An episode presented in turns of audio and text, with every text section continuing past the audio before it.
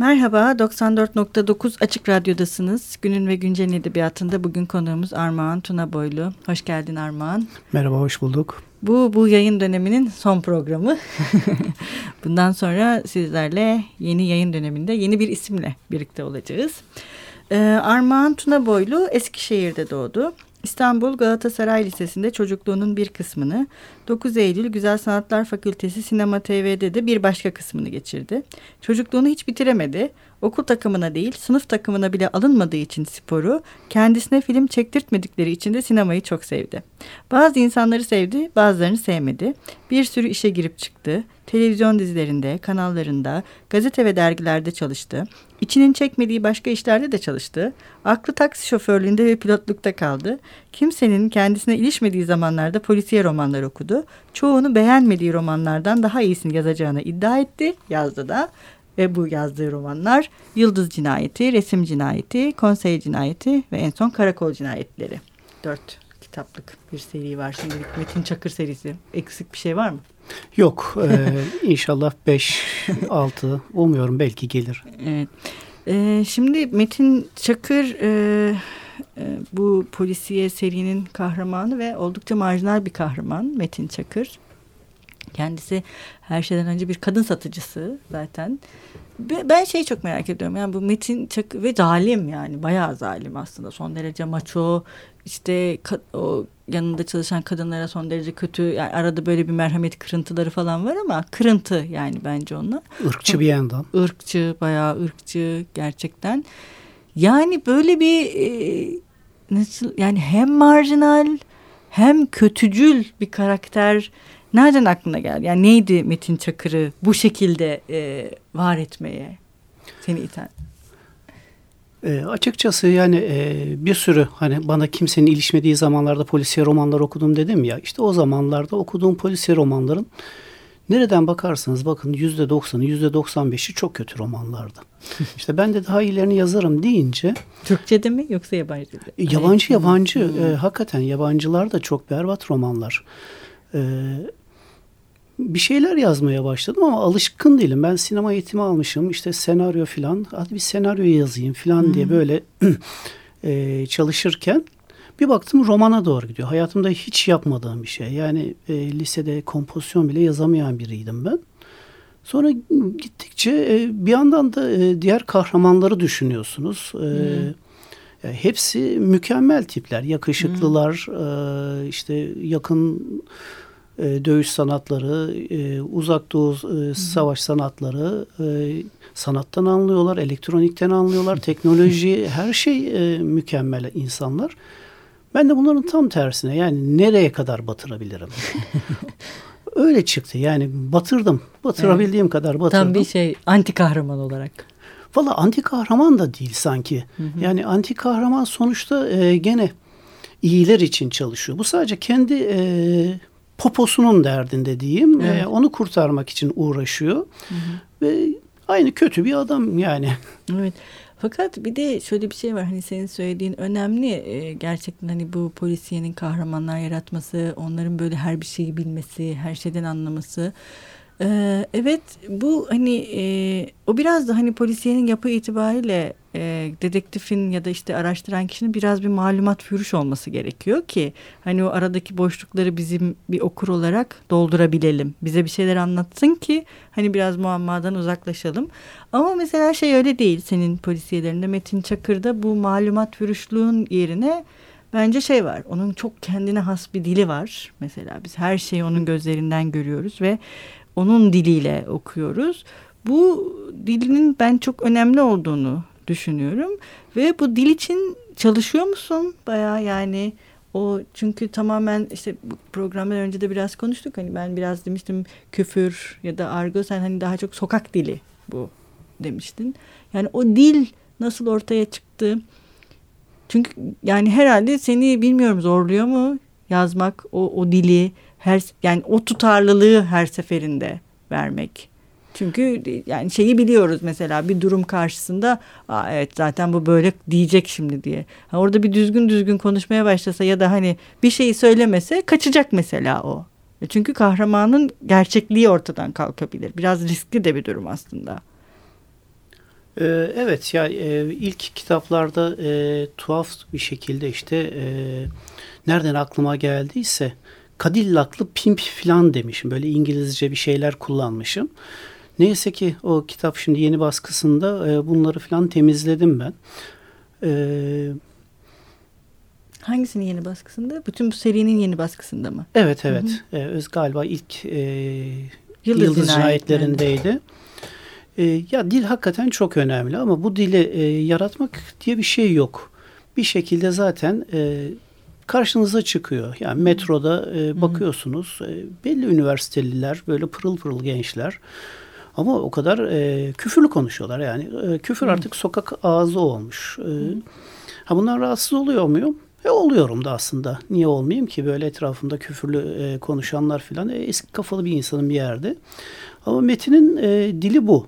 E, tamam argo var, e, sokak e, ağzı var, e, jargon var, e, mesleksi, mes, mesleğiyle ilgili. Evet. E, ve biraz da e, Hulki Aktunç'un e, muhteşem bir eseri var Argo Sözlüğü. Oradan da yararlanıyorum. E, yani bu arada bir e, bir göz atıyorum ben şöyle sayfalar çevirip hakikaten e, çok enteresan şeyler var. Yani insanın Hı-hı. kafasını da açıyor. Yani illa bir şeyler yapmak, argo Hı-hı. öğrenmek zorunda değilsiniz ama e, iyi bir eser hakikaten. Arada bir göz atmak lazım. Yani dili bu şekilde geliyor. Yani berbere gidiyorsunuz pardon. E, berbere gidiyorsunuz mesela e, gencin biri saçlarını kestirecek. Berber e, ya şöyle yapayım mı diyor. Vizyona ters gelmesin diyor. yani bu hakikaten çok e, enteresan bir şey. Bunları topluyorsunuz. Yani Topluyor sürekli musun? bir yerde. Yani, Sen de biriktirerek mi kullanıyorsun? Hani yani, onu merak etmiştim. Hani bir yerde yazarım, bir yerde kullanırım amacıyla değil. Ben kullanmaya başlıyorum. Kendi Hı. hayatıma sokuyorum Hı. ve ben içselleştirince bu tür şeyleri e, metne de gidiyor yani bir şekilde. Peki burada mesela senin kendi icat ettiğin kavramlar, kelimeler ya da özel kullanımlar var mı? Hani bu argo sözcük ve sokak ağzının dışında yazarken ya bu da şöyle söylense ya da bunu da böyle söyleyeyim diye. Çünkü bu biraz şeyden de düşündüm ben. Bu kitapların sonunda bir sözlük var ve bir de kaynakça var. Kaynakça sen de varsın. Yani kendinde bir o yüzden hani o dilin e, yapılmasında yani Metin Çakır'ın dilinin üretilmesinde senin nasıl bir katkın var? Ee, bir iki kelime uydurdum itiraf edeyim. Hmm. Mesela bunlardan biri e, Tınki Ercüment diye bir karakter e, tipleme vardı. O onun Tınki'sini ben uydurdum. E, böyle bir iki kelime daha uydurdum. E, sanırım bazı şeyleri, kavramları da biraz da ben bir anlam e, yükleyerek yani malum e, kullandığımız fiiller o fiillere e, en masum fiillerin bile bir takım e, cinsellik içermesine o benzer birkaç bir şey de ben uydurdum. Hı-hı. Kullandım yani. Hı-hı. Herhalde e, göze çarpmıyor ki Yo. bir itiraz gelmedi. Evet yani sonuçta bu hani Metin Çakır'ın dili belirli bir süre sonra hani yazarı yani seni de bu kelime türetmeye zorlar hale mi geldi yoksa o da kendiliğinden mi ortaya çıktı? Yani ee, baştan beri hani var mıydı bu senin ürettiğin kelimeler? Onun ee, kendi dilinde. E, yok sanmıyorum. Yani e, bir yerde tıkanıyorsunuz. Bir yerde E, bir şey söylemesi lazım. O bir şey söylemeyi e, sözlüklerde yetersiz kaldığı durumlar var. Orada oralarda e, uyduruyorum. Ondan sonra e, zaman geçip tekrar okuduğumda rahatsız etmiyorsa bırakıyorum. Hı hı. E, rahatsız ediyorsa mutlaka değiştiriyorum. Ha, bu biraz önce söylediğin gibi bir takım kelimeleri hani temizledim demiştin hı hı. ya yeni baskılarda. Evet, evet. Onlar seni mi rahatsız etti? Evet. Okurken? Yani çok e, ükelalıklar etmişim. Ondan sonra şeyler var. Yani bir de e, birçok yazarda gözlemliyorum ben onu. Bir şeyleri e, gözlüyoruz ve bu gözlediğimiz şeyleri yazıyoruz gibi. Yani işte ne bileyim e, bir köye gidip işte oradaki insanları falan anlatıyorlar ama gözlem gözlem kokan şeyler var. E, bende de vardı o tür şeyler. Onları falan temizledim çoğunlukla. Hmm. Yani kendi ürettiğin kavramları temizlemedin, kelimeleri ya da. Ha, e, çok o çok bulaşmadım herhalde onlara ki yani çok rahatsız etmemiş. Ama hmm anlatımla ilgili e, çok değişiklikler yaptım. Bu yeni kelimeler yapma işi niye mesela serinin diğer kitaplarında da yani devam edecek kitaplarında da düşün, düşünüyor musun yoksa hani gerektiği zaman mı? Ha tabii gerektiği zaman yani e, özellikle yani bir şeyler üreteyim, yeni bir şey çıkarayım diye e, Hı hı. yapılacak şey değil aslında. Roald Dahl galiba geçenlerde hı. öyle bir şey vardı. Sözlüklere katılan yedi kelimemiz. Evet katkı olarak evet. yani o dile katkı olarak katılmış evet. kelimeler. Evet. Bayağı da şey bu Yaşar Kemal'in mesela işte sözlüğü yapılmıştı. Ali Püsküllüoğlu yapmıştı. Hani mesela sen de bu seri ilerledikçe ne bileyim ona falan geldikçe belki kendi ürettiğin kelimeleri ayrıca bir e, şey yapabilir misin diye düşündüm de sözlük kitapların arkasına verilen sözlükte mesela hangilerinin senin olduğu belirtilmiyor. Evet. Aslında evet. şimdi düşünüyorum yani şu an aklıma geliyor hakikaten e, güzel ama biraz inşallah beni bu zorlamaz e, ne derler ya yeni kelimeler icat edeyim, yeni kelimeler bulayım diye kendimi zorlamam umarım. Ama bu şey anlamında bence güzel ve dile e, yani kurgunun bunu dayatması ve hani kahramanın o dili e, e, konuşmak zorunda olmasının hani yazarı zorladığı ve gerektiren bir şey haline gelmesi. Bu bence bir dilin zenginliği aslında. Hani Kesinlikle doğru. Yazarların evet. o dile katkısı böyle sanırım ortaya çıkan bir şey. Çünkü başka bir şekilde anlatmak mümkün olmadığı için yeni bir şey icat etmek gerekiyor. Hani Metin Çakır'ı evet. yani okuyanlar biliyor zaten çok gerçekten kendine has bir dil kullanımı var. Neyse bu dil kullanımına devam ederiz programın ikinci bölümünde. Şimdi biz e, e, ikinci bölüme geçmeden bir şarkı çalıyoruz. Bugün ne çalalım? Ee, son kitabımı e, yazmaya başladığım sıralarda Radiohead'den Creepy keşfettim. Ya, ya Hı. ben sürekli YouTube'dan çeşitli versiyonlarını falan dinledim. Yani aşık oldum ben bu şarkıya. sürekli dilimde falan. Yani müzik kültürüm yoktur benim. Yani e, kulak falan da hiç yok. Tabii beceremiyorum söylemeyi de. Ama yani muhteşem bir şarkı. Bayılıyorum buna. Peki dinleyelim o zaman.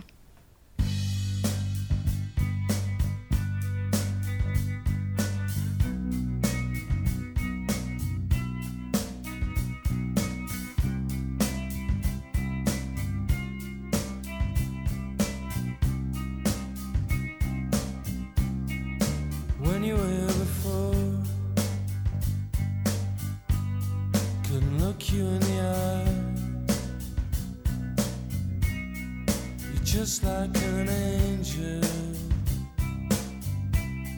Your skin makes me cry. You float like a feather in a beautiful world. I wish I was special.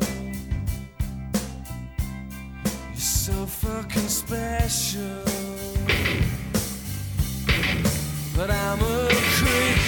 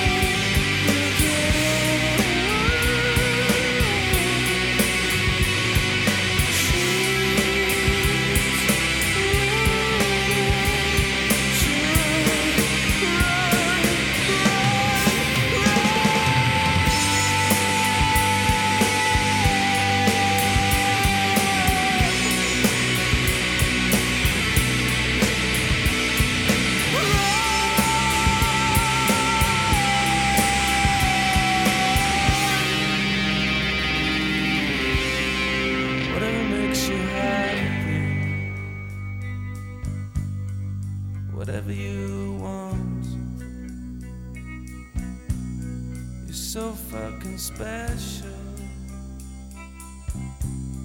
I wish I was special, but I'm a creep. I'm a widow. What the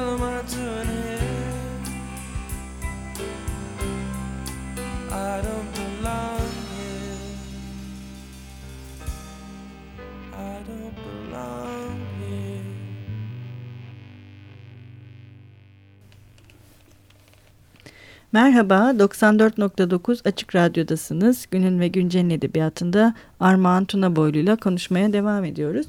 Şimdi bu programın ilk bölümünde dil yapma, kelimeler üretme, yani Metin Çakır'ın e, kendi dilini oluştururken e, bazı şeyleri anlatmak için e, kendinin kelimeler üretmesinden bahsetmiştik ve bunun dile bir zenginlik kazandırdığından biraz ben şeyi de merak ediyorum. Peki bu dil e, çünkü polisiyelerde biz şeyle çok karşılaşmıyoruz aslında dilin bu kadar öne çıktığı yani söylemin, konuşmanın bu kadar öne çıktığı e, çok rastladığımız bir şey değil aslında. Ama senin eserlerinde yani bu dört kitaplık Metin Çakır'ın e, kahraman olduğu eserlerde ilk ortaya çıkan şey, ilk görünür olan şey dil meselesi.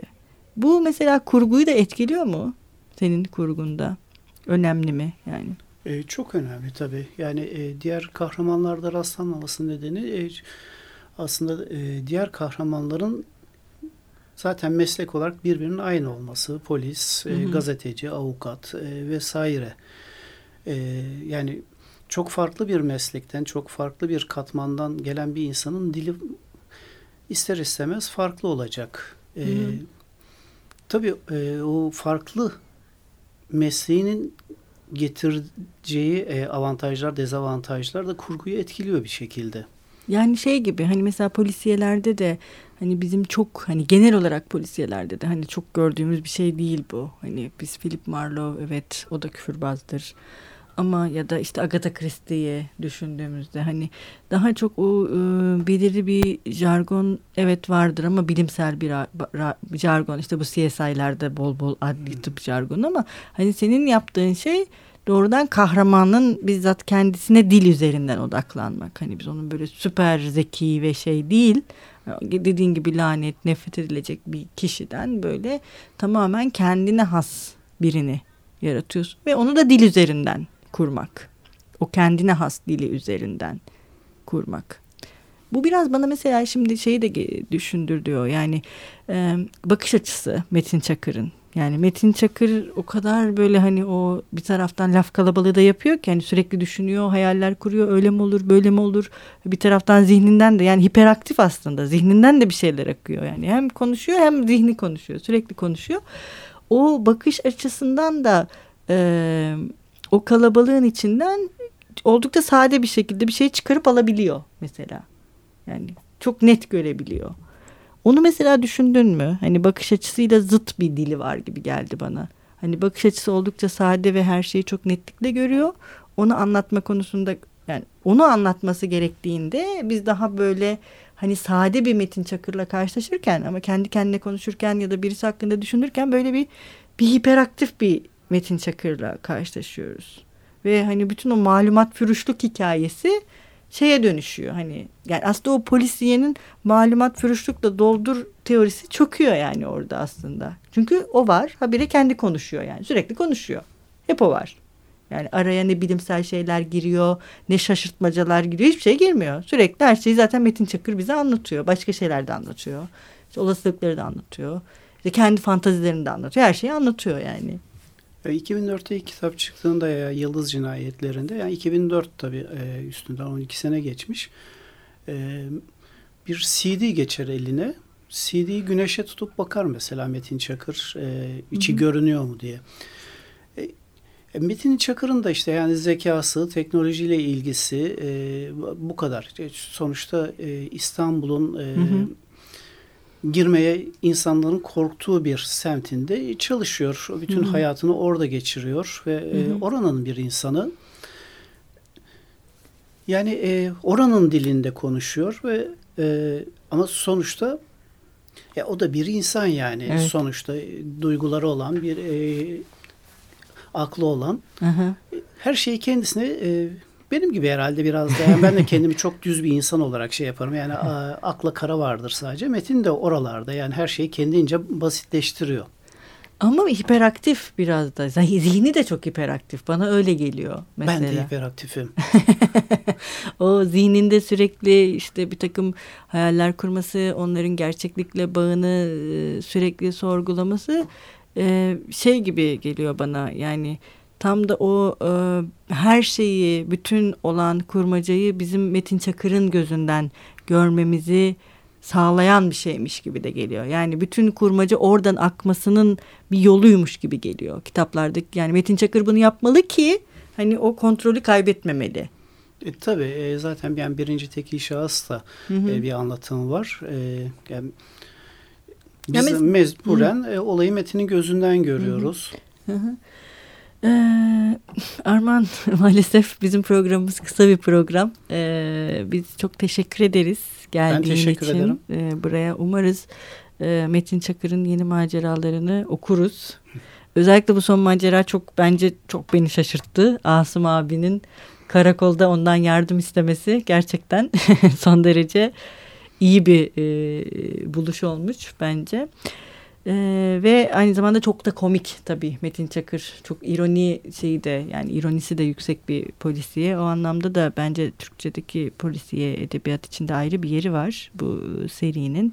O yüzden dört gözle bekliyorum ben kendi adıma devamını. Ee, ve biz e, programı bitirirken yazarlarımızın okurları ve bizim dinleyicilerimiz için okuduğu bir bölümle veda ediyoruz. Bugün son kitapla mı veda etmek istersin? Son kitaptan e, kısa bir şey okumaya çalışayım. Aslında yani şunu da söylemek istiyorum. E, Türkiye'de e, yani kitap az okunuyor, polisiye daha da az okunuyor ve e, ben Metin Çakır'ın e, maceralarını seviyorum. Yani benim gibi e, onları sevenlerle de sanki böyle bir tarikat e, yoldaşlığımız varmış gibi geliyor. Ben de bekliyorum şahsen Metin Çakır'ı. Evet. Ee, Hoşçakalın. Görüşmek üzere. Lökeşi olmuşum. Esmer çıtır ırzıma geçip ortadan kaybolmuş. Sallanarak karakoldan çıkıyorum.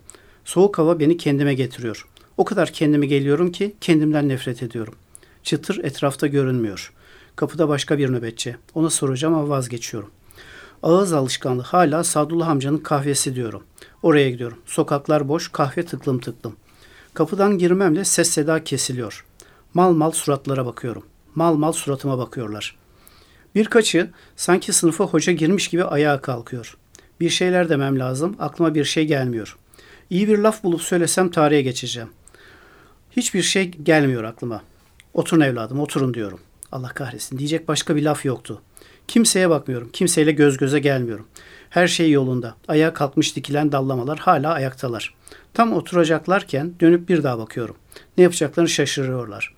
Kışları sandalyelerin bir karış üstünde tam oturacakken kala kalıyorlar. Kalkın lan ayağa diye kükrüyorum. Camlar zangır diyor naramdan. Bütün kahve bir anda hazrola geçiyor. Bir daha. Hepsini teker teker suratlarına bakıyorum. Hepsi gözlerini kaçırıyor. Çıt çıkmıyor. Bir daha beni gördüğünüzde ayağa kalkmayanı oyarım. Hakkımda dedikodunun bini bir para olmuş. Yok Metin Çakır polis olmuş, paparon olmuş. Yok öyle bir şey. Asım abi geldi yalvardı. Burada biraz düşünüyorum. Bunlar Asım abinin illaki kulağına gidecek. Ulu orta, etrafta yalvardı dediğimi duyarsa iki günlük saltanatımın içine eder. Yumuşatmaya karar veriyorum. Asım abi rica etti. Metin başımda bir bela var. Derdime olsa olsa bir tek sen çare olursun dedi. Gel beni kurtar bu beladan dedi. Ben de ne demek Asım abi dedim. Her şey mahallemizin selameti için dedim. Hemen koskoca polis teşkilatının bulamadığı ipuçlarını bir bakışta buldum. Aha buyur Asım abi dedim.